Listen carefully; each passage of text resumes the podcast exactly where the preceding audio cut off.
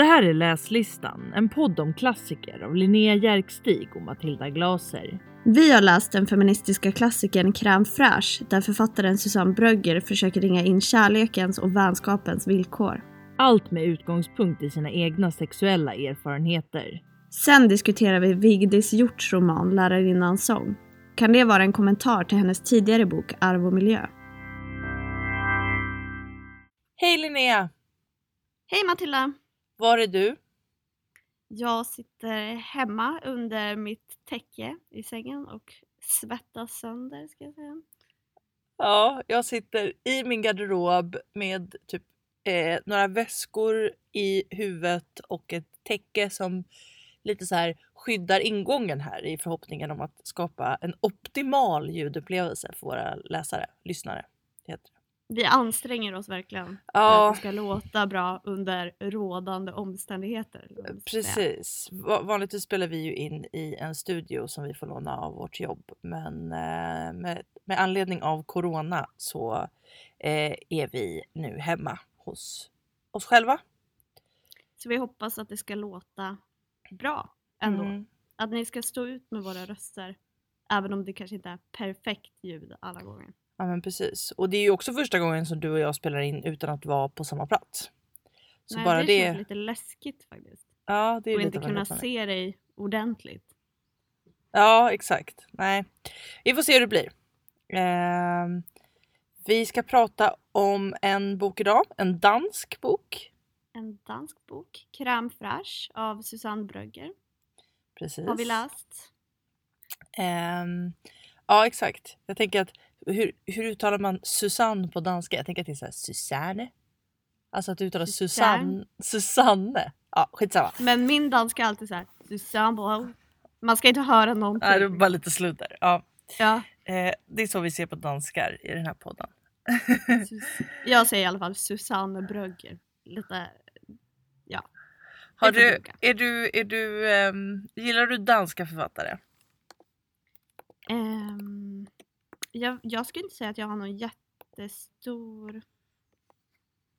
Eller vänta, jag måste fundera. Det är väl, jag känner väl inget särskilt för just danska författare.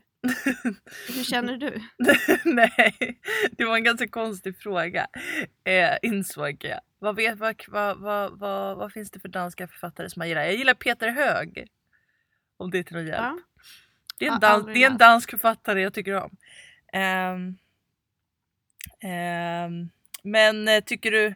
Jag vet inte vad... vad jag, jag, jag, ah, skälet till att jag frågar är för att jag tycker att den här boken lite grann påminde om en annan ganska eh, ganska aktuell eh, dansk eh, självbiografisk bok, nämligen eh, Gift.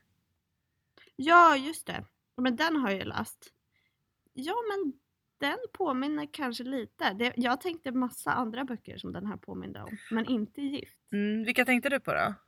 Jag tänkte på att eh, boken, eller kanske framförallt språket, påminner mycket om Kerstin Thorvall, Mm, Och, absolut. eh, Gun-Britt Sundström. Mm, mm, absolut. Och lite också faktiskt eh, på något vis om eh, Märta Tikkanen. Eh, Man kan inte våldtas som vi läste nyligen.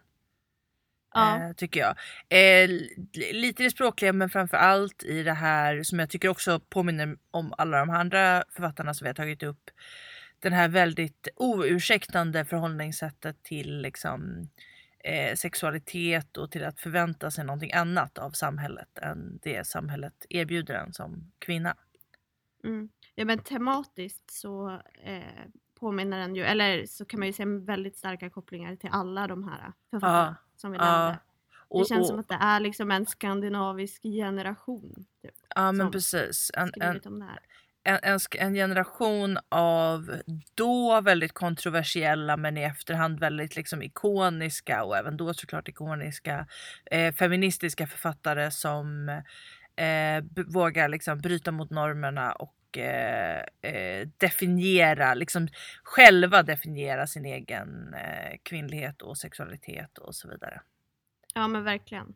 Och det roliga är ju att det känns som att alla de här författarna som vi nämnde har fått ett litet uppsving Ja. de senaste åren.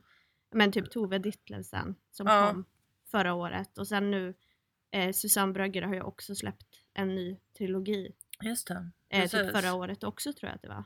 Där hon i alla fall skriver om den här boken igen. Alltså hon stryker och gör om den lite grann. Ja just det och de flesta av de här författarna har ju då som du säger med Gift bland annat då eh, även den här boken har ju getts ut i en nyutgåva ganska nyligen. Eh, när liksom Ja. de, de, de feministiska klassikernas eh, eh, vad ska man säga revival. Liksom. Mm. På tal om den här boken, jag, jag la upp en bild på våran Instagram på det Mm. omslaget jag har. Jag tror att det är det första i Sverige. Eh, Ja just det för du och jag har det här nya gula med tigern på. Eh, det är ju Ja, en ny utgåva. jag tror att min är vit äldre. men den är liksom lite rökgul. Typ. Ja jag fattar. Eh, och så är det en bild på henne som är ung. Den är väldigt gullig, jag gillar den. Fina färger också. Men det ser verkligen ut som att den kommer från en svunnen tid. Jag Ja. kan kolla sen på Instagram när jag Ja, jag vet. igen. Det är ett helt underbart med det där också röda och eh, rosa typsnittet. Eller eh, färgerna, alltså två olika typsnitt och Mhm. eh, en del går i rött och en del går i rosa. Det är otroligt snyggt. Otroligt vackert. Och att det är månpocket. Och att man kan se att någon har köpt den för fem kronor. Mm. Men det var jag som köpte den för fem Jaha, det var. Myrorna-lappen. Ja Vad har den exakt. kostat innan? 15. Ja, 15 Ja. kronor. Inte så Nåväl. mycket pengar det heller. Eh, ska vi berätta lite grann om vad crème fraîche av Susanne eller Susanne Brögger handlar om? Ja, det kan vi göra. Eh, det är en eh, självbiografisk, eller i alla fall delvis självbiografisk, Mm. delvis fiktion kan man väl säga. Eh, och i den skildrar hon uppväxten i Danmark och i andra olika länder i Sydostasien. Eh, och eh, genom att skriva om ja, men hur hon försöker forma sitt eget liv typ, efter Mm. sin egen vilja skulle man kunna säga. Och det här eh, arbetet med att utforma sitt li- liv skildras till stor del genom sexuella erfarenheter. Eh, Precis. så, och hon använder liksom de sexuella erfarenheterna till att försöka ringa in typ kärlekens och vänskapens villkor egentligen. Mm. Så den mm. handlar ju typ om kärlek, vänskap och erotik. Och sex ja. ja. Ja, Precis. köper Och- du den? Ja absolut. Eh, man kan väl också säga att det finns en, en del av den som väl är i någon slags nutid när boken skrivs. Alltså hur, liksom hur boken föds. Eh, som är när hon är i eh, USA också. Och, Ja, just det. eh, Mm. Eh, Och det, och jag tolkade det som i alla fall, men jag ska ärligt säga att jag inte har kollat upp om det var så det var. Men att hon, hon gav ut en bok innan den här i alla fall och det som blev en väldigt stor eh, eh, ja, men hennes genombrott liksom. Och att, och att eh, händelserna i den här boken skildrar när hon är i USA för att presentera den liksom. På den Jaha, amerikanska ja. marknaden typ. Och att Ja, det för då den liksom... börjar ju med att hon är på ett plan på väg Mm. till USA. Precis och att hon, eh, och hon reser runt där. Hon är i New York länge och sen är hon väl i LA också under en period och sådär. Och det är liksom någon sorts nutid eh, i vilken hon reflekterar tillbaka på som du säger eh, sina upplevelser från sin uppväxt och sina tonår och så vidare. Eh, varav ju en stor del utspelar sig i Sydostasien. Nästan Mm. mer fokus på Sydostasien än på Danmark. Mm, Alltså Bangkok. i. Och eh, Vietnam bland annat. Så Thailand och Vietnam bland annat. Det som är spännande också är ju själva kontrasten mellan Danmark och ja, men Bangkok och Mm, eh. Sydostasien. För att i Sydostasien blir det som att hon verkligen får leva ut alla sina känslor. Medan i Mm. Danmark är det väldigt strikt. Alltså det blir som en väldigt stor kontrast i berättelsen som gör det väldigt tydligt. Mm, ja verkligen. Hennes liksom inre kamp. Precis. Kan du ge något exempel på det? Liksom hur, hur det tar sig uttryck? Ja, men jag tänker främst i Danmark så befinner hon sig på någon form av eh, vad heter det, internatskola. Mm, Eh, och om jag inte minns fel så är det ju ganska så här skilt mellan kvinnor, eller flickor och pojkar. Eh, och jag menar att de lever liksom Ja men att det är skilt mellan flickor och pojkar jämfört med typ i i Bangkok tror jag, där hon möter den här Max som är typ en äldre diplomat just Eh, det. hon börjar liksom umgås med dem och de har någon form av typ, vad ska man säga, typ en öppen sexuell relation Mm. med jättemånga människor. Liksom. Det är nästan som jag vet inte, erotikfester typ. Mm, det blir, precis. bara det blir typ en jättestor skillnad i hennes liv. Exakt, det är ju ett av de teman som hon utforskar i den här boken kan man väl säga är liksom den, den fria kärleken och liksom måste kärleken vara eh, monogam. Ja Eh, exakt. Bland annat Hur skulle du liksom beskriva huvudpersonen? Nej men hon är ju en, en kompromisslös person Mm. skulle jag säga. Ehm, och hon beskriver sig ju själv som och det här tycker jag är lite apropå det här som man liksom, vad, vad man känner igen från de här andra böckerna som vi har pratat om tidigare. Att det finns någonting som jag upplever som lite typiskt för den här tiden och för den här genren. Som är liksom att, att beskriva liksom ett, ett mer eller mindre självbiografiskt verk. Fast där Mm. man beskriver huvudpersonen, författaren beskriver huvudpersonens, det vill säga sina egna handlingar på ett så här nästan kliniskt objektivt sätt. Mm. Förstår du vad jag menar? Ja, men jag, jag skrev också upp det i mina anteckningar att de liksom beskriver sitt liv eller huvudpersonens liv med en form av distans, liksom självironi.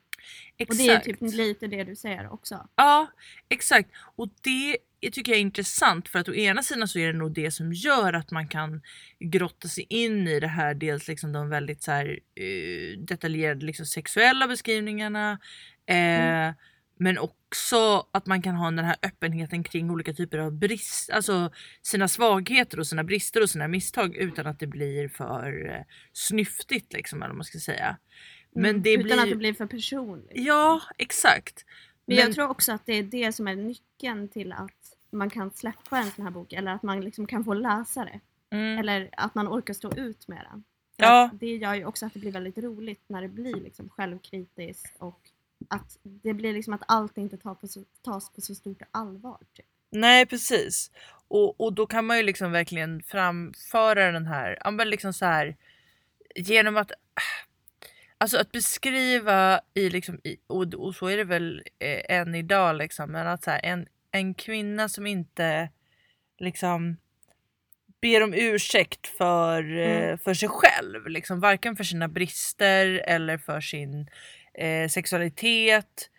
Eh, det, är ju, det är ju verkligen styrkan i den här boken. Liksom. Men Mm. eh, det finns ju såklart också någonting provocerande på något sätt eh, med, med den typen av så här kliniska beskrivning av sina egna, eller jag vet inte varför jag provoceras av det men det gör jag, det, det gör jag ändå någonstans liksom att så här att med den här så här nästan lite blaséartade tonen beskriva sig själv liksom. Det, Mm. det, det blir ju på något sätt också att inte ta ansvar för, för, för sig själv. Förstår du vad jag menar?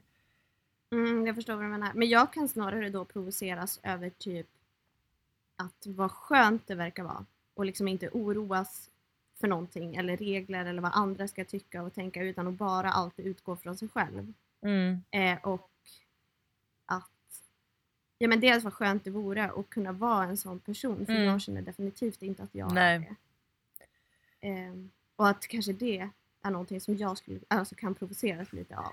Vad lätt hon har det. Typ. Ja exakt, jag tror att det är precis så det är för mig också. Jag tror att jag provoceras av det för att jag är så långt ifrån det själv. Att jag ber om ursäkt så otroligt mycket över mitt eget beteende och känner ett så stort eh, ansvar att vara på vissa typer av, av sätt i relation till Mm. andra. Liksom. Så jag tror absolut Men också att att det, det ansvaret kan göra typ att ibland kanske man inte riktigt vet vad man själv vill heller. Nej För nej att nej. man tar Precis. hänsyn så mycket till alla andra. Typ. Nej exakt, det är ju det, är det jag menar. Att jag tror att det här som jag ser som någon, det som provocerar mig behöver ju egentligen inte vara en svaghet utan kan ju också vara en styrka som jag saknar. Att det är det som Ja, blir men provocerande. Men för den här, jag tyckte att det var väldigt härligt att läsa om henne just nu i coronatider. För hon Mm. är ju verkligen en, jag menar, en ung kvinna som hungrar efter liv och är nyfiken. Mm. Eh, och det är pre- precis det som man inte kan göra just Ja. nu. Så det var väldigt skönt att typ åka in i en sån värld och få lite distans till liksom, Ja. vardagen. under Ja. täcket i Stockholm. Alltså läsning i coronatider är ju svårt tycker jag. Jag har liksom eh, Jag har haft lite svårt att få läsro de senaste veckorna. Eh, Mm. jag, jag vet att jag sa i det förra avsnittet som vi spelade in. Vi ska ju säga också att vi, det, vi hade ju en ganska lång paus nu mellan det här avsnittet och det förra för att vi spelade in eh, eh, för att du skulle åka iväg på en lång resa. Härlig semester som inte blev av. Ja, jag är ledsen att jag tar upp det här igen nu och river av Mm. det här, öppnar upp det här såret för dig. Men i alla fall så hade vi planerat ett ganska långt uppehåll som vi nu också haft och jag sa i sista förra avsnittet att så här, jag har så himla bra, eller har så många böcker som jag ser fram emot att läsa och jag har så bra läsarenergi liksom tror jag jag sa. Mm. Eh, och sen så kom corona och då har jag bara tappat det totalt. Och nu börjar jag liksom tycka att, att mycket av det jag läser känns, eh, känns så irrelevant eller jag blir bara avundsjuk. Eh, vi pratade ju också om så här, skildringar av en strand, liksom en härlig eh, eh, resa till Aten. Jag kan Mm, inte läsa det, sånt nu för jag får bara ångest. men eh, Ja. men den här jag, ja, boken men är jag ju känner någonting helt annat. lite både och. Att det är också skönt liksom, att kunna resa lite i böckerna Ja. när man inte kan det på riktigt. Ja, nej jag håller helt och hållet med och jag tror vanligtvis jag skulle tycka det. Jag tror egentligen att jag har bara haft mycket att göra på jobbet så jag har inte riktigt hunnit få någon läsro av den anledningen. Men eh, nej men exakt för egentligen i sak så tycker jag ju att, att läsning är ju den absolut bästa verklighetsflykten man kan ägna sig åt och den Mm. rekommenderar jag alla att ta till i svåra tider. Nej, men det är lite svårt också ibland också att kunna koncentrera sig. Alltså tycker jag också just nu. Ja, Att det är svårare än vad det brukar vara. Att ja. man är liksom mer uppmärksam mot världen Ja. och också gentemot sig själv. Jag tror att jag di- diagnostiserar mig själv med corona typ varannan dag. Ah, det gör vi väl Eh. allihopa. Ja.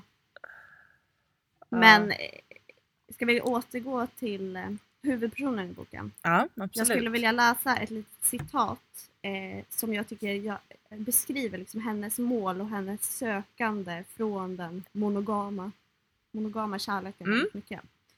Eh, och den, eh, för att sätta den i en kontext så kan man väl säga att hon pratar om att de flesta männen lever någon form av dubbelliv eh, och bedrar sina fruar. Alltså det här är hennes syn på livet. Ja, mm, mm.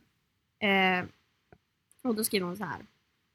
Tanken på att samma förödmjukelse, samma karikatyr av intimitet skulle drabba mig själv så som den drabbade andra kvinnor, som var långt mer spännande än jag, väckte en sån skräck hos mig.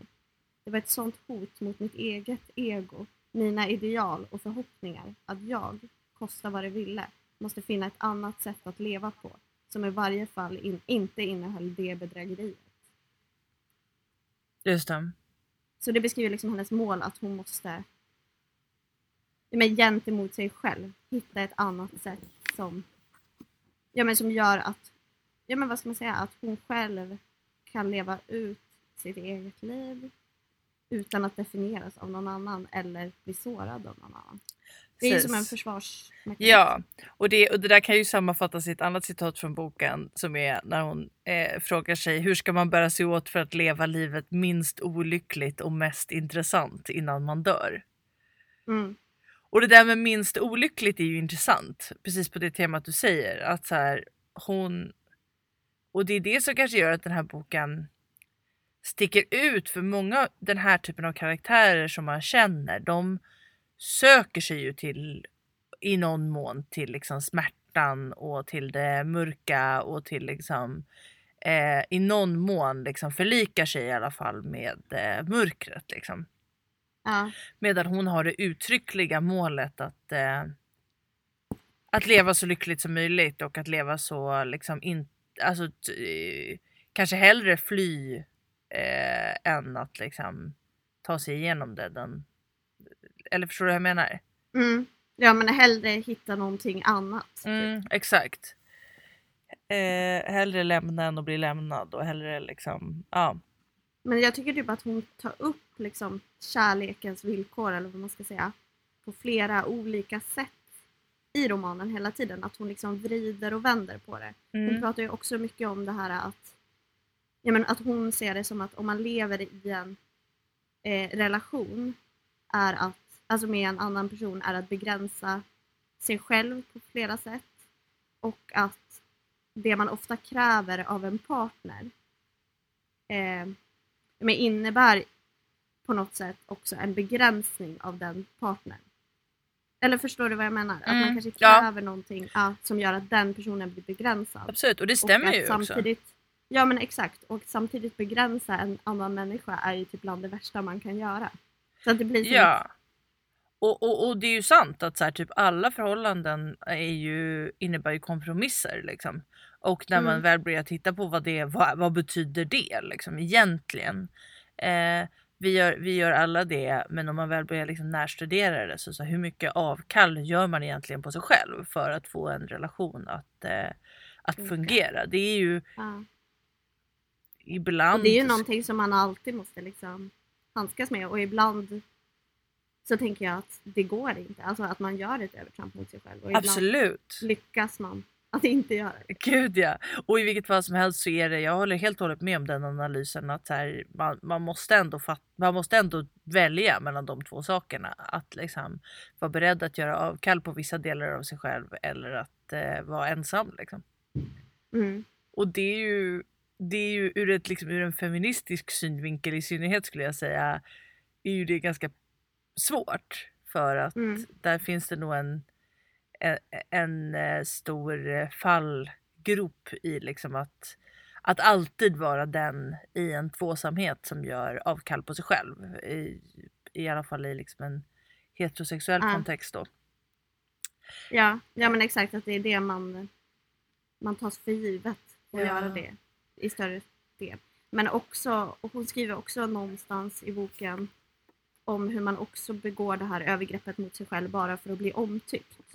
Och att hon ser ju inte sig själv liksom som en söt eh, liten kvinna typ. Nej. Men att det är vid någon scen som hon gör sig lite så svag, liten och Mm. söt. Och Mm, att då kommer killarna som flugor. Typ. mm, ja men exakt. Eh, Så den är väldigt typ stereotyp på många sätt. Ja exakt. Idag i alla fall. Ja precis och på ett sätt så tycker jag att det kan vara lite också så här. Eh, nej men hon är ju mycket mer som hon, som hon liksom som hon känner för att göra och det som, som gynnar henne just där och då än att hon liksom beter sig på ett sätt som eh, som förväntas av henne. Men samtidigt som du Mm. säger så spelar ju hon mycket själv på de eh, könsroller som finns till exempel. Och sen kan hon också välja att, att eh, ta, eh, ja men liksom kliva ifrån dem när, när det passar. Mm. Men det är svårt med den här boken att prata om någon form av handling. För den handlar ju typ inte om så mycket. Nej. Det är mer en känsla och liksom olika diskussioner, eller så här, Mm. Olika reflektioner som görs hela tiden som man liksom kan prata om. Men man kan inte prata om först var hon där, sen var hon där, för den är väldigt fragmentarisk också. Ja exakt och den har liksom som sagt den har ju en, en handling som är i någon sorts, i alla fall vad jag tolkar som nutid och sen så har den ju liksom handling som sträcker sig från hennes unga barndomsår och fram till då när hon skriver boken på olika sätt liksom och gör olika nedslag i det. Ska vi säga någonting om karaktärerna? De andra karaktärerna än, eh, en, en huvudpersonen ja. Eh, Ja, exakt. Alltså, det är ju liksom en, en lång, lång rad av karaktärer som kommer och går liksom och vissa återkommer och vissa är bara med vid något tillfälle. ehm, och men det finns ju några karaktärer som återkommer ganska mycket i boken. Eh, Mm. Och då tänker jag bland annat på den här Max som vi redan har pratat om. Han är ju en sån här Ja. karaktär som i alla fall liksom ja, men återkommer liksom även, i, även, även, även senare liksom, när han introduceras. Och, men sen är det ju de här stora, alltså typ Henry Miller till exempel och Anna Nin är ju såna här karaktärer som, som är också är riktiga personer som återkommer eh, vid flera tillfällen i boken. Jag skulle Eh, också säga att eh, Max fru, Just det. eh, Liane, eller vad hon Mm. heter, också är väldigt viktig karaktär Mm, eh, för berättelsen. Eller för hennes liv. absolut. eller typ främst de som hon träffar i Asien känns väldigt viktiga. Ja, för de kommer ju tillbaka också väldigt många av dem. Liksom. Många av de här personerna som hon träffar i, eh, ja, men i New York till exempel, de känns ju liksom som att de är eh, Ja, alltså de, de liksom, det, ibland känns det lite som att de, vissa av de karaktärerna i alla fall bara så representerar någonting. Mm. Eh, Att de har en funktion mer än ja, annat. lite så. Men, eh, be- men, men en sak som jag, som jag gillar är ju det här, det är väl värt att säga också med Henry Miller. Nu är inte jag eh, eh, kanske rätt person att prata om det, du kanske har någonting att tillägga, men liksom att, att den här boken är ju, sägs ju vara liksom inspirerad av Henry Miller i sin form. Eh, Mm. Så som hon har skrivit den. Eh, och givet det så tycker jag att det är ganska häftigt att hon också väver in Henry Miller i berättelsen. Så Ja. att han faktiskt framträder som en karaktär i, eh, i boken som läsaren får träffa. Samtidigt som hon då i det här om jag förstår det rätt, liksom självbiografiska eh, formatet eh, har inspirerats väldigt mycket av honom när hon har skrivit den här boken. Mm. Ja men det är ju snyggt att det blir som på två olika plan där. Mm, verkligen. Så det Jag gillar jag mycket. att- Jag tyckte att Lian, eller hur ska du säga hennes namn? Lian? Lian Lian ja. Mm. eh, är en väldigt... Jag tyckte hon var en väldigt spännande karaktär. Det var för att jag tyck, upplevde henne väldigt starkt som typ en spegling av huvudpersonen. Mm, mm. Det var intressant. Även om de hade... De levde ju på totalt olika liv. Men de hade väldigt så här... De hade flera liknande... Eller vad, vad säger man? Sa, samma knutpunkter, eller kopplingar liksom. Ja just det, precis. Framförallt deras relation till Max. Att båda de var väldigt rädda för honom. Och Mm. han kunde ju manipulera de båda. Även om huvudpersonen kanske inte alltid tänkte på det själv. Mm. Så hade han väldigt stor kontroll över hennes liv. För han var ju också den som introducerade för henne att hon skulle satsa på att hitta sin egen väg. Mm. Ja, och men var ju lite besatt av den idén. Eller vad man ska säga. Nej men precis, hon är jätteintressant. Det, men det är som sagt, det är ju så mycket karaktärer i den här boken. Fast på det sättet är väl boken också lite grann som verkligheten. Alltså att det, att det är det som gör den självbiografisk och inte en, eh, en roman. Liksom. Att i, en, Mm. i, en, I en roman så hade man ju skalat ner de här karaktärerna eh, kraftigt Mm. skulle jag säga. Och Och liksom, den kanske hade tydligare karaktärsdrag. Exakt, exakt. Och precis kanske klumpat ihop eh, eh, liksom några av dem till en och samma person som, som representerar det Mm. ena eller andra. Liksom. Men, men nu är ju inte det här en roman utan det här är ju självbiografiskt eh, och jag antar att de andra personerna precis som Henry Miller och Anna Nin eh, faktiskt också har funnits på riktigt i någon form. Mm. Eh, och eh, då men, men det är ju lite sådär med hela boken som sagt att så, handlingen är inte helt eh, dramaturgiskt logisk alla gånger liksom och eh, karaktärerna är också väldigt många och lite spretiga. Men, Mm. ehm, men också just därför tycker jag också att det här med Henry Miller som kommer i slutet av boken att hon eh, möter honom. Mm. Eh, det gör ju att den här i övrigt ganska spretiga handlingen liksom knyts ihop på ett ganska bra sätt tycker jag. Mm. Ja men också eftersom ja, men det, det är ju någon form av typ dra, dagboksutkast som hon liksom sitter och skriver på på planet. Just det. Det är ju som någon ramberättelse av något slag som gör att man ändå får en känsla av att allting hör ihop. Även fast man kanske inte känner så mitt i läsningen. Exakt och då är hon ju på planet hem från New York, eller hur? Ja just det, ja. Eh, jag bara tänkte Efter vi träffat- man- för då, precis, då har hon väl gjort hela den här USA-resan som vi får Mm. se i den här berättelsen. Och, så att hon reflekterar både på, tillbaka på sin USA-resa som hon precis har varit på men också på liksom, som sagt hela hennes uppväxt. Mm. Hela livet. ja. Hela livet, ja men verkligen. Det är sjukt att skriva en roman om hela livet. Men hon har Mm. lyckats. Mm. Ja men det är svår, det är liksom, det, den är svår att prata om. Det är den ju. Men Mm. den är ju, den är ju spänd. Jag tycker att det är en Eh, det, och den är lite rörig även att läsa ska jag säga. Inte bara att prata om egentligen utan Nej, också att jag läsa. också. Det tog ta- ett tag att komma in i Mm. den tycker jag verkligen.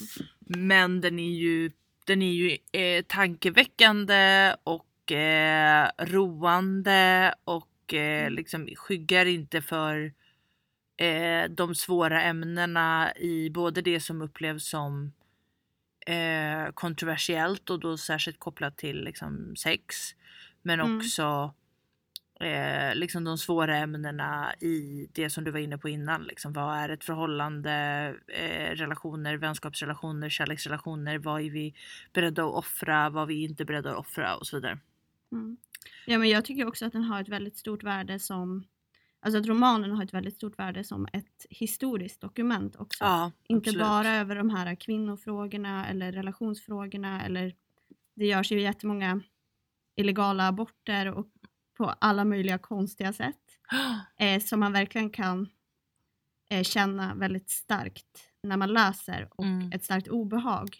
Eh, jag kan bara ta ett exempel på en abort. De skulle liksom hälla, vad var det, kokande vatten Mm. Usch. i livmodern. Typ. Alltså man skulle stå på händerna. Jag kommer inte riktigt ihåg men det var väldigt eh, sjukt. Eh, I dagens kontext. Ja, Men också, eller i alla fall i dagens svenska kontext kan man ju säga. Ja exakt, Det är ju inte som att man har fri tillgång till abort överallt ens idag. Men också att den handlar mycket om ja, men typ Vietnamkriget Mm. och sådana saker. Och det, det, det har ju också väldigt stark koppling till maken av Gun-Britt Sundström. Som Mm. också skriver väldigt mycket om alla demonstrationer mot Vietnamkriget. Och sådär. Ja men precis, det är ju en, en, en, eh, en extremt viktig tid liksom, historiskt sett. Både sett till de liksom, stora världshändelserna men också till just precis den här utvecklingen. Eh, och de här liksom, starka kvinnliga rösterna som kom fram under den här tiden. Mm. Ja, Tidsdokument. verkligen. Men skulle du rekommendera den här boken till någon annan? Ehm, ja, det skulle jag nog. Eh, det kanske inte är den första av de här böckerna jag skulle rekommendera. Jag skulle kanske Nej. rekommendera ehm, typ eh, eh, Kerstin Thorvall och Gun-Britt Sundström här före skulle jag säga. Mm.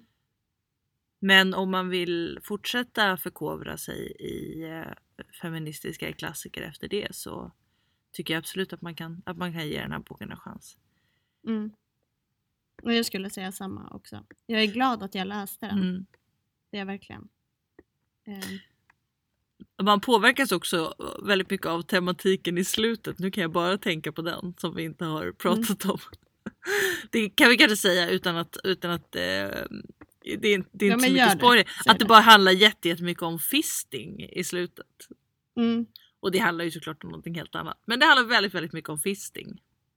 Men man har ju många sådana där detaljer alltså, eh, som är viktiga i vissa delar i boken som man liksom bär med sig efteråt Mm. och inte riktigt kan släppa. Nej exakt, exakt. Vissa av de där skruvade delarna eh, lämnas man lite med ett så här, jaha, okej.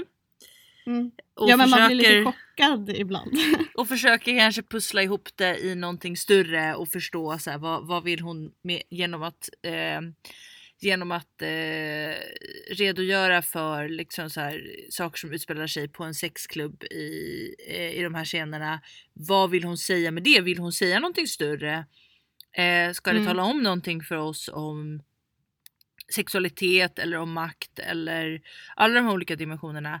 Eller är det bara en, en, en berättelse om någonting som hon själv har upplevt och som hon själv har ja men det lagt känns på som minnet? att det är liksom? som eh, läsare så är det ett väldigt massa pusslande. Att man försöker liksom lista ut vad som är viktigt och varför. Typ. Exakt vad som bara är så här eh, gamla lite roliga minnen och vad som är liksom ska, ska förstås i en större kontext. Ja men precis. Och det gör ju å ena sidan boken lite konstig och lite svår att man inte får hjälp, mer hjälp med att förstå det. Fast också lite utmanande på ett Mm, kanske lite kul. positivt sätt. Ja. Ja. Vi har gjort lite speciellt till det här avsnittet att vi har läst samma bok Mm. som vi ska prata om. precis. Vi har läst eh, Lärarinnan som av Vigdis Hjort. Vill Precis. du berätta lite Ehm, vad den handlar om? Eh, ja, eh, den handlar om en eh, kvinna som heter Lotte Böök vill jag säga nu. Jag har inte skrivit ner det här. Eh, du Jo, Lotte mig. Böök. Lotte Böök, ja. Ehm, hon är, eh, hon undervisar på ehm, en liksom konst, konsthögskolan i Oslo. Kan man väl, tror jag den kallas. Eh, men i eh, dramatik då, så till liksom dramatikstudenterna där. Eh, och när boken, boken inleds kan man väl säga med att hon kommer i kontakt med en student som då inte går i hennes klass utan i en, eh, i en liksom film, eh, på filmutbildningen på eh, samma skola. Och sen frågar om hon kan tänka sig att medverka i en dokumentärfilm som han håller på och gör om några av lärarna på den här skolan. Mm. Och det att, och det tackar hon ja till och att hon gör det och händelserna som liksom följer på det får henne att ja, men liksom, totalt omvärdera på en massa olika sätt Mm. vem hon är och hur hon är och eh, hennes syn på undervisning och hennes syn på sina elever och på sin identitet. Och På hela världen typ.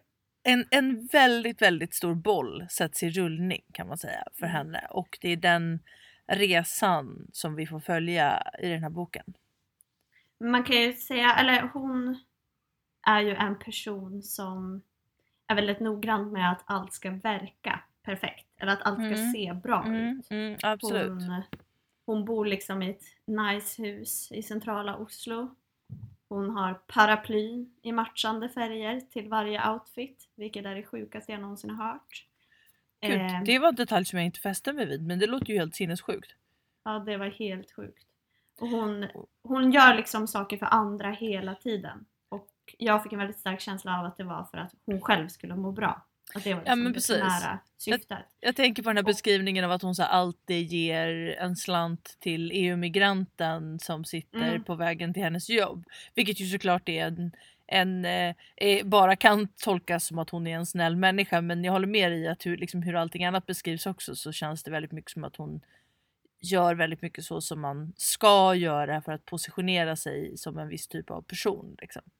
Ja men precis. Och att jag tänker att det är väldigt väsentligt eh, för att förstå varför hon tackar ja till filmprojektet. Just det. För det är ju nästan någonting som hon bara gör för att ställa upp men i samma stund som hon har tackat ja så blir det också som att hon inser vad fan har jag gjort? Ska jag Ja. bli filmad hela tiden? Det är precis som han tackar filmar ju henne både på alla föreläsningar och liksom hemma hos henne och när de är typ och plockar blommor som hon äter. Ja precis, svamp och grejer. Ja. Eh, nej men exakt, hon är ju inte en exhibitionistisk person och hon verkar ju inte vara en särskilt liksom hon, hon tackar ju inte ja för att få um, uppmärksamhet eller för att få stiga i karriären eller något sånt egentligen utan hon Och inte heller så mycket av ren nyfikenhet utan hon gör det liksom bara för att det förväntas av henne. Hon är motsatsen till kvinnan i crème fraîche. Det kan man faktiskt säga. Absolut. Eh, Men ja, men eh, som du sa när hon börjar bli filmad där så blir det som att hon tappar greppet på riktigt. Ja, på en massa olika sätt. Men jag tolkar det lite grann som att hon också börjar se sig själv mer och mer utifrån. Liksom. Vilket nu är en Mm. ganska naturlig mänsklig instinkt när, när någon annan börjar på det sättet som en dokumentärfilmare gör eh, studera en utifrån. Så, så ehm, ställer man lätt sig själv i den positionen också. Att man börjar, man börjar tänka mer på vad andra uppfattar om en. Mm. Och för henne är ju det till stor del väldigt kopplat till hennes eh, yrkesutövning och till hennes eh, framförallt då föreläsningar som hon håller om eh, Bertolt Brecht och hans pjäser. Mm. Och det som blir intressant också är ju att eh, under de här föreläsningarna som hon håller till sina dramatikstudenter så framkommer det väldigt tydligt att hon är en person som vill liksom kontrollera världen och hennes Mm. omgivning. Hon vill liksom kontrollera, eller så här, kontrollera och bestämma hur alla elever ska uppfatta minsta detalj i de här pjäserna. Hon kan liksom inte låta dem tänka själv, hon ska säga åt dem vad de ska tycka och tänka. Och det blir ju väldigt starkt också då när hon blir filmad hela tiden och inte kan kontrollera bilden av sig själv eller bilden av Nej. någonting. Det blir som allt som hon någonsin har gjort eh, förstörs. Allt hon har byggt upp bara så här raseras Ja. genom kameran. Nej men precis för dels så, dels så har hon ju en tendens att liksom skriva sina elever på näsan med liksom tolkningarna av, av Mm. eh, liksom pjäserna. Men hon har ju också nästan, hon har ju, när hon lägger upp sina föreläsningar så planerar hon ju också typ för hur eleverna ska reagera. Mm. Eh, kommer eleverna, när jag, när jag beskriver det här då kommer eleverna lyssna uppmärksamt och känna igen sig. Och när jag, men när jag beskriver det här, ja men då finns det risk att de har tröttnat lite grann. Så då måste jag eh, säga det här eller ropa den här delen av pjäsen för att det ska liksom få tillbaka fokus. Ja, hon jobbar mycket med att ropa och typ så här, skrika ut och typ skådespela. Hon verkar väldigt rolig på det sättet. Ja, ja precis för det där är ju, för det är så att jag vet inte hur du, när, för när jag läste hennes, när jag, för det är liksom ganska långa beskrivningar, långa redogörelser av eh, de här olika pjäserna. Framförallt så är det väl Mor Courage som, som hon beskriver längst. Mm. Ehm, och, eh, men, men även några andra kaukatiska kritcirkeln, flera olika Brecht-pjäser som hon... ehm, liksom, man får, en stor del av boken är just de här föreläsningarna där hon berättar om handlingen i de här eh, verken. Ja. Eh, och nu råkar det vara så att jag tycker väldigt mycket om Bertolt Brecht och eh, hans pjäser. Eh, så att jag, därför undrar jag lite, så därför tyckte jag att det var väldigt, väldigt roligt att höra henne beskriva och jag tyckte att hennes analyser var väldigt spännande och jag, jag, liksom, jag hade, om jag hade suttit på de där föreläsningarna så tror jag att jag hade lyssnat väldigt uppmärksamt. Mm. Eh, men så därför upplevde jag henne som en ganska bra och entusiasmerande föreläsare i sto- en stor del av boken. Hur, hur kände du? Nej men jag kände också det, alltså att eh, man köpte liksom hennes analyser och liksom allting. Och att man själv som läsare också blev väldigt engagerad. Mm. Som om man satt i föreläsningssalen. Ja. Det kändes som att man var på en föreläsning. Liksom. Men sen också att ju mer tiden gick och eh, hon deltog i det här filmprojektet så började man ju också omvärdera henne ganska starkt Ja, och exakt. tycka liksom att hon eller man köpte, alltså man började ju se igenom henne ganska tydligt i Mm. samma veva som hon själv kanske också började se, se igenom sig själv eller inse Mm. vad hon höll på med. För hon hade ju som ingen insikt om det innan. Nej. Nej precis, det känns ju som att hon... Men hon jag- ja. ja, vad skulle du säga? Nej vad säger du? Nej men hon liksom, hon, man inser ju att hon har, och så där kan det ju säkert också vara, hon är ju liksom, hon har ju en ganska lång eh, karriär bakom sig liksom. Hon är ju, jag kommer inte ihåg exakt hur gammal hon är men hon, Hon, är, är, väl någon medelålders Ja. kvinna. Typ. kring 50 kanske. Hon har ju ett vuxet barn. Eh, och eh, kanske mellan 50 och 60 upplever jag att hon är. Mm. Jag är inte säker. Eh, så, så hon har ju en lång karriär bakom sig och man får ju intrycket av att hon kanske inte har eh, rannsakat sig själv så mycket de senaste åren om hur hennes eh, eh, undervisningsstil är och liksom och, och så då blir det här en sån otroligt liksom kalldusch för henne nu när hon plötsligt liksom för då blir det som att nästan hela hennes identitet ifrågasätts när hennes Mm. eh, undervisningsmetoder eh, liksom. Ja men det blir ju verkligen hela hennes identitet som ifrågasätts. Alltså allting, ja men typ exempelvis det här att hon eh, ger pengar till tiggare. Funderar hon jättemycket på varför hon gör det egentligen. Mm, Eh, och alltså så här, och det är också någon scen där hon köper ut eh, till en alkoholist. just det. Eh, och att eh, liksom varje sån del, varje litet val hon gör i livet blir så moraliserande. Det är en Mm. väldigt moralisk roman. Mm, verkligen. Eh, som, Precis, vilket ju då är en väldigt intressant eh, koppling då till eh, Brechts pjäser som ju också verkligen utforskar det väldigt mycket. Liksom. Ehm, eh, som- men skulle du säga att det är ett svar på de pjäserna eller? och jag är verkligen ingen, ingen eh, Brecht-kännare eh, så det, det är nog, jag är nog fel person att, att, att säga det men, Mm. men jag skulle snarare säga att hon använder dem för att eh, för att berätta den historien hon vill berätta här än att hon liksom än att hon tar dem vidare faktiskt. Men, men jag Mm. inte, jag, det, det är kanske någon annan eh, tänker någonting annat om. Eh, det vet jag faktiskt inte riktigt.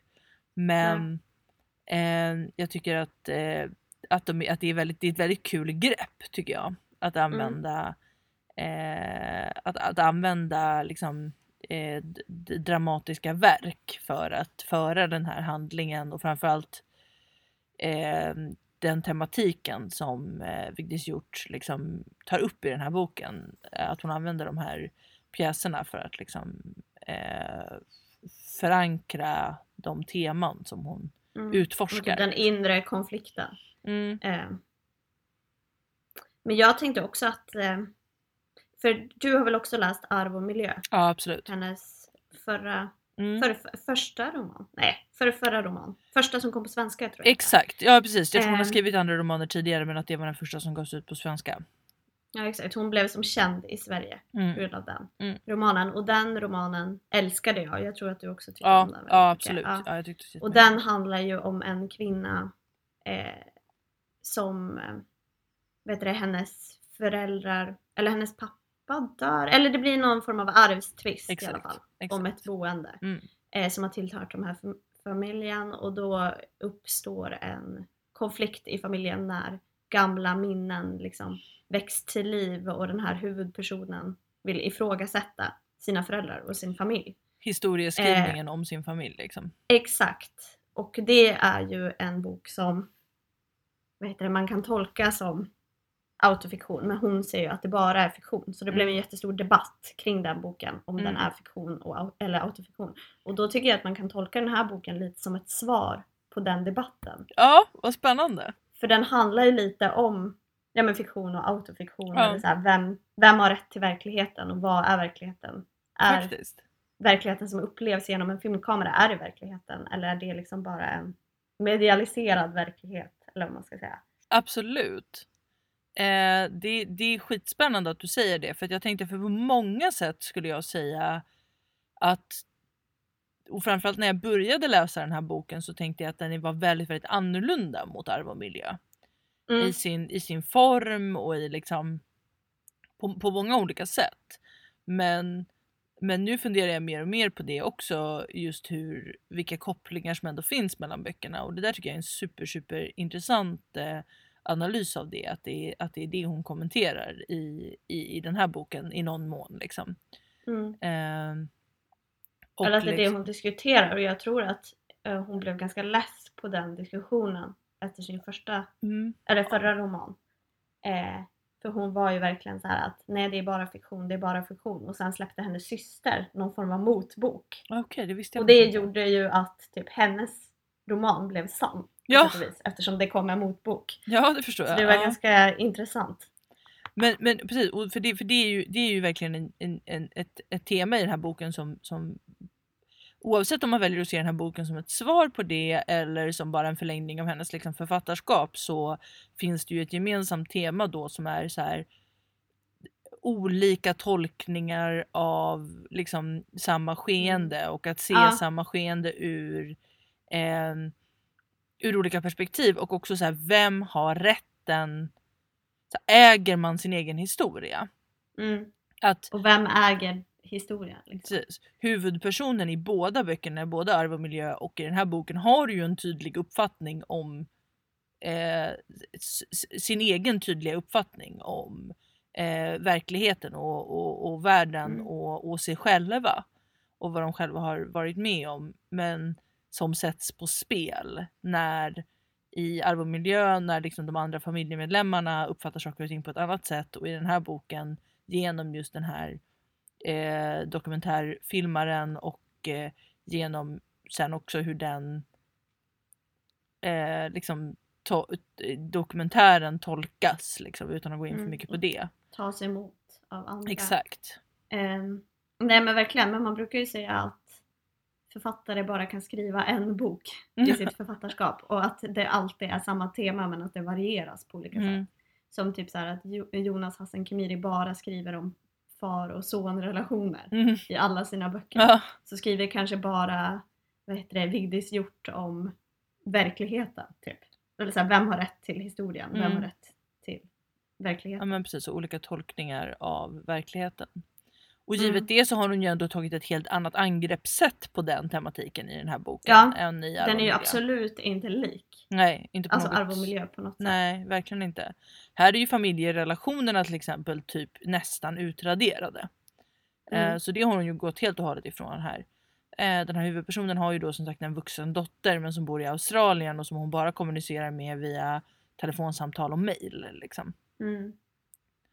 Ja, Eh, och som hon har ju- inte jättestor plats i Nej precis. historien eller i berättelsen. Och som på grund av det liksom geografiska avståndet också tänker jag inte Även om de verkar ha en, liksom en, de har en relation verkligen och de har en på vissa plan kanske till och med ganska nära relation så eh, kan ju dottern inte riktigt lägga in sin tolkning av berättelsen för hon är inte där. Liksom. Nej, Så att dottern är ju inte den som stör hennes verklighetsbild i den nej. här boken. nej, det är bara kameran. Mm. Och det är ganska Ja. intressant att liksom kameran är tillräckligt. Men jag tycker också att det var intressant att så fort han frågar eh, om han får filma henne och hon säger ja så känner hon sig ganska utsatt och är så här, det här är ett experiment. Typ. Jag är en försökskanin. Ja, Och då känner man bara, men varför sa du ja? Eller det, Mm. jag tycker det är så spännande även om man får en ganska stark bild om varför hon gör det. ja precis. Så- Hon, hon går ju på en Känns gång. det ändå som att hon har någon vilja? Hon Mm. känns ju ändå som att hon vill liksom rannsaka sig själv eller att hon är, hon är öppen för, för den idén. Ja. Nej precis, hon går ju på en gång in i olika nästan så konspirationsteorier om vad som är avsikten med den här dokumentären. Liksom. Och att hon blir lite rädd för honom. Men det är också något tillfälle som han är så här bara Nej jag hann inte filma när du gick in genom den där grinden. Ja Kan du göra det igen? Och då tar hon ju upp den här diskussionen om ja, men verkligheten. Mm. Att hon säger men det är ju en dokumentär, då kan jag ju inte gå in igen för nu har jag ju redan gått in, det kommer ju inte ske på rätt sätt. Mm. Det är ju inte sanningen.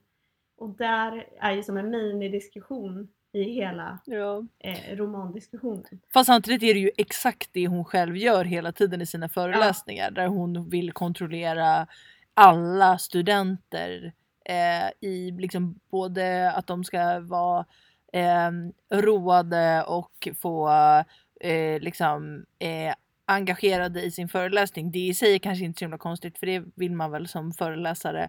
Men Mm. också att hon vill ju också styra hur de tolkar de verk hon diskuterar och presenterar. Så att hon Mm. gör ju själv det jättemycket. Det hon ifrågasätter eh, honom för att han gör. Liksom. Ja exakt, men det är väl också det som gör att hon blir en spännande karaktär. Att hon har många sidor och är väldigt så här, eh, förutsägbar men också att hon är väldigt motsägelsefull. Alltså hon känns väldigt verklig. Mm. Ja absolut. Men Ehm, jag gillade boken väldigt mycket. Ja jag gjorde tyckte också att Den det. var jättespännande och jätteintressant. Mm, ja jag också. Jag tyckte väldigt väldigt mycket om den. Och jag som sagt jag, jag njöt också av de här långa Brecht-skildringarna. Jag tyckte de var Mm. super super roliga att läsa och eh, ehm, blev väldigt sugen på och ehm, jag har, eh, läst flera av hans pjäser tidigare men eh, blev sugen på att göra det igen också av den anledningen. Vi ska Ehm, läsa, vad heter den? Mor Courage? Nej? Ja precis, Mor Ja, Courage vi ska läsa den i skolan typ Ja. nästa vecka. Ah, kul! Kul. Mm. Då får jag se om min föreläsare är lika inspirerande som eh, Lotte Böck. Ja precis. Det blir spännande. Det vill vi ha en rapport om sen här i podden. Det kan Utan att komma hänga en ut liten recension. Ehm, men eh, precis, och, det, och den här boken har ju en massa andra dimensioner. Jag tänker att vi håller oss från att liksom gå in för mycket i, i, i, i de faktiska effekter som det här får mer än att det liksom skakar henne eftersom att det är en väldigt ny bok som säkert många som lyssnar eh, har på sina läslistor. Mm. Ehm, men jag kan verkligen rekommendera den. Eh, och det Mm, låter ju jag som med. att du kan också. Kan verkligen rekommendera hennes författarskap. Mm. Jag har eh, Henrik som han har skrivit här hemma. Eh, och alla, eller det finns ju, det var ett litet projekt. Tre vad heter det, skandinaviska författare, en svensk, en norsk och en dansk, skrev olika tolkningar av olika Ibsen-pjäser. Ja, Då ja, ja. En som heter Henrik. Vad spännande. Kan tipsa om fast jag inte har läst. Men jag tror att den säkert är jättebra. Gud, vad intressant. Mm. Ja, Läste en eh, Nora. En tolkning på ett dockhem. ja, ja, ja. Väldigt Vem hade eh, skrivit den då? bra. Eh, hon hette typ, eh, vänta jag ska dubbelkolla. Typ, ja här. Merete Pryds Helle. Hade inte hört talas om henne. Men hon har skrivit någon bok som heter typ Skönhetens folk. Eller något liknande. Okej, Som också lät väldigt intressant. spännande. Ett litet Mm. bonustips här på slutet. Det är bra. Eh, ska vi börja runda av? Ja, det gör vi. Hoppas att ni har kunnat stå ut med eh, eh, vårat garderobs och undertäckespoddande. Mm. Eh, och tack för att ni lyssnar. Följ oss på Instagram. Podden Läslistan heter vi där. Mm. Och betygsätt gärna oss i iTunes. Ja. Ha det så fint. Så hörs vi om två veckor igen. Vi gör det. Hej då!